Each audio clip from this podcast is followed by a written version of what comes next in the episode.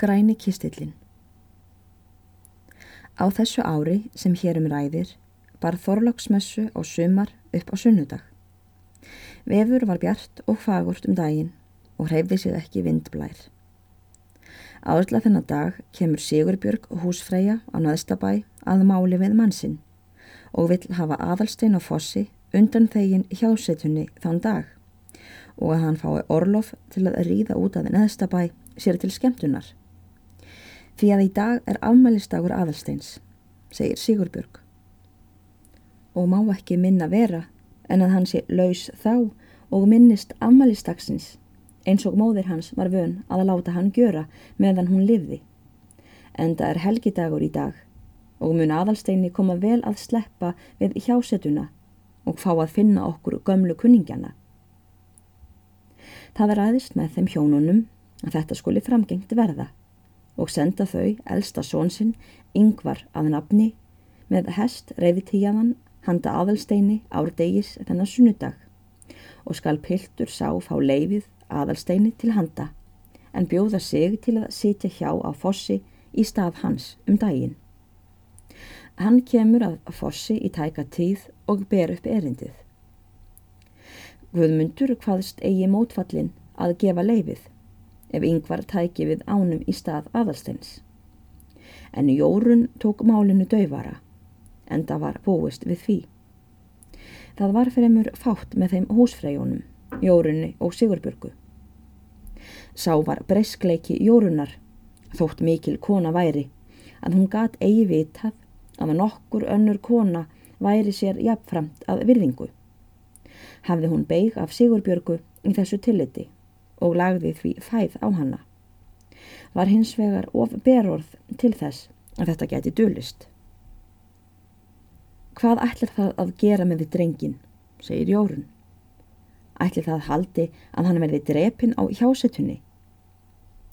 Yngvar á neðstabæ leitaðist nú við að sína Jórunni með hægum orðum að foreldrum sínum gengi ekki annað til en gjöra aðalsteini þetta til ánægju einn dag í byli og lofa honum að sjá hér fyrra heimilið sitt og einkum börnin á næsta bæ sem hann hafði upp alist með og var svo kunnugur.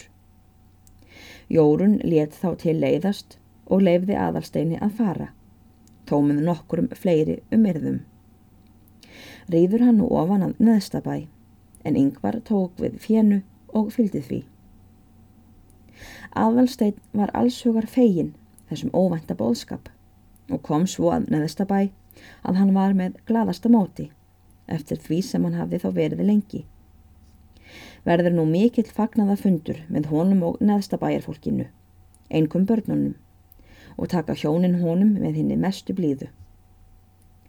Aðalstein gengur þegar inn í herbergi það er móðir hans hafði búið í og finnur þar allt með sömu ummerkjum og áður. Sömu fötin í rúminu, sama borðið og stólinn og sömu kistuna gagvart rúminu. Aðalsteit verður gladur við en undrast þó og spyr hverju sæti hvort munir þessir hafi eigi verið seldir á uppbóðinu. Jú það var allt selt, svaraði Sigurbjörg, í því hún gekk inn í húsið og eftir aðalsteinni. Það var allt selt en við hérna urðum hæstbjóðendur. Mig langaði til, þú sægir sem minnsta breyting á þegar þú kæmir að heimsækja okkur. Og svo held ég að þér væri kærara að koma hérna inn til mín ef þú gætir þekkt þig í þessu gamla stafgólfi og allt væri eins og þegar þú skildir við það. Það var fallega gjört að þér, Sigurbjörg, að hugsa svo, mælti aðalstinn. Það var þér líkt og hefði mér þó aldrei komið til hugar að byggja ykkur þessa. Við mamma þín sáluga vorum of kunnugar til þess að mér skildi ekki geta dotti þetta í hug, sagði Sigurbjörg. Og vona ég þetta drægi þig til að heimsækja okkur sem oftast.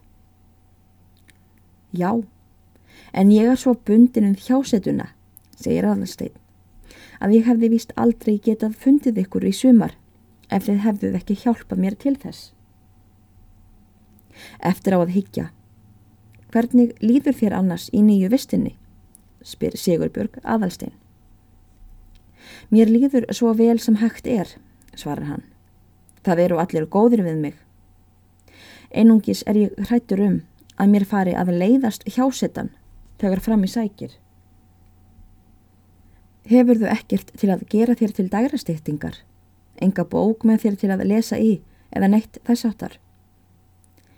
Því miður Sigurbjörg mín hef ég ekkert þess áttar, svarar aðalstinn. Ég var þó farin að pára svolítið hjá henni mömmu en ég vissi ekkert hvað af skriffengunum mínum varð þegar hún lagðist kom óregla á það allt saman. Síðan hef ég ekkert hugsað um það. En nú finnst mér að mig langi til að hafa annað hvort bók eða skriffæri með mér á daginn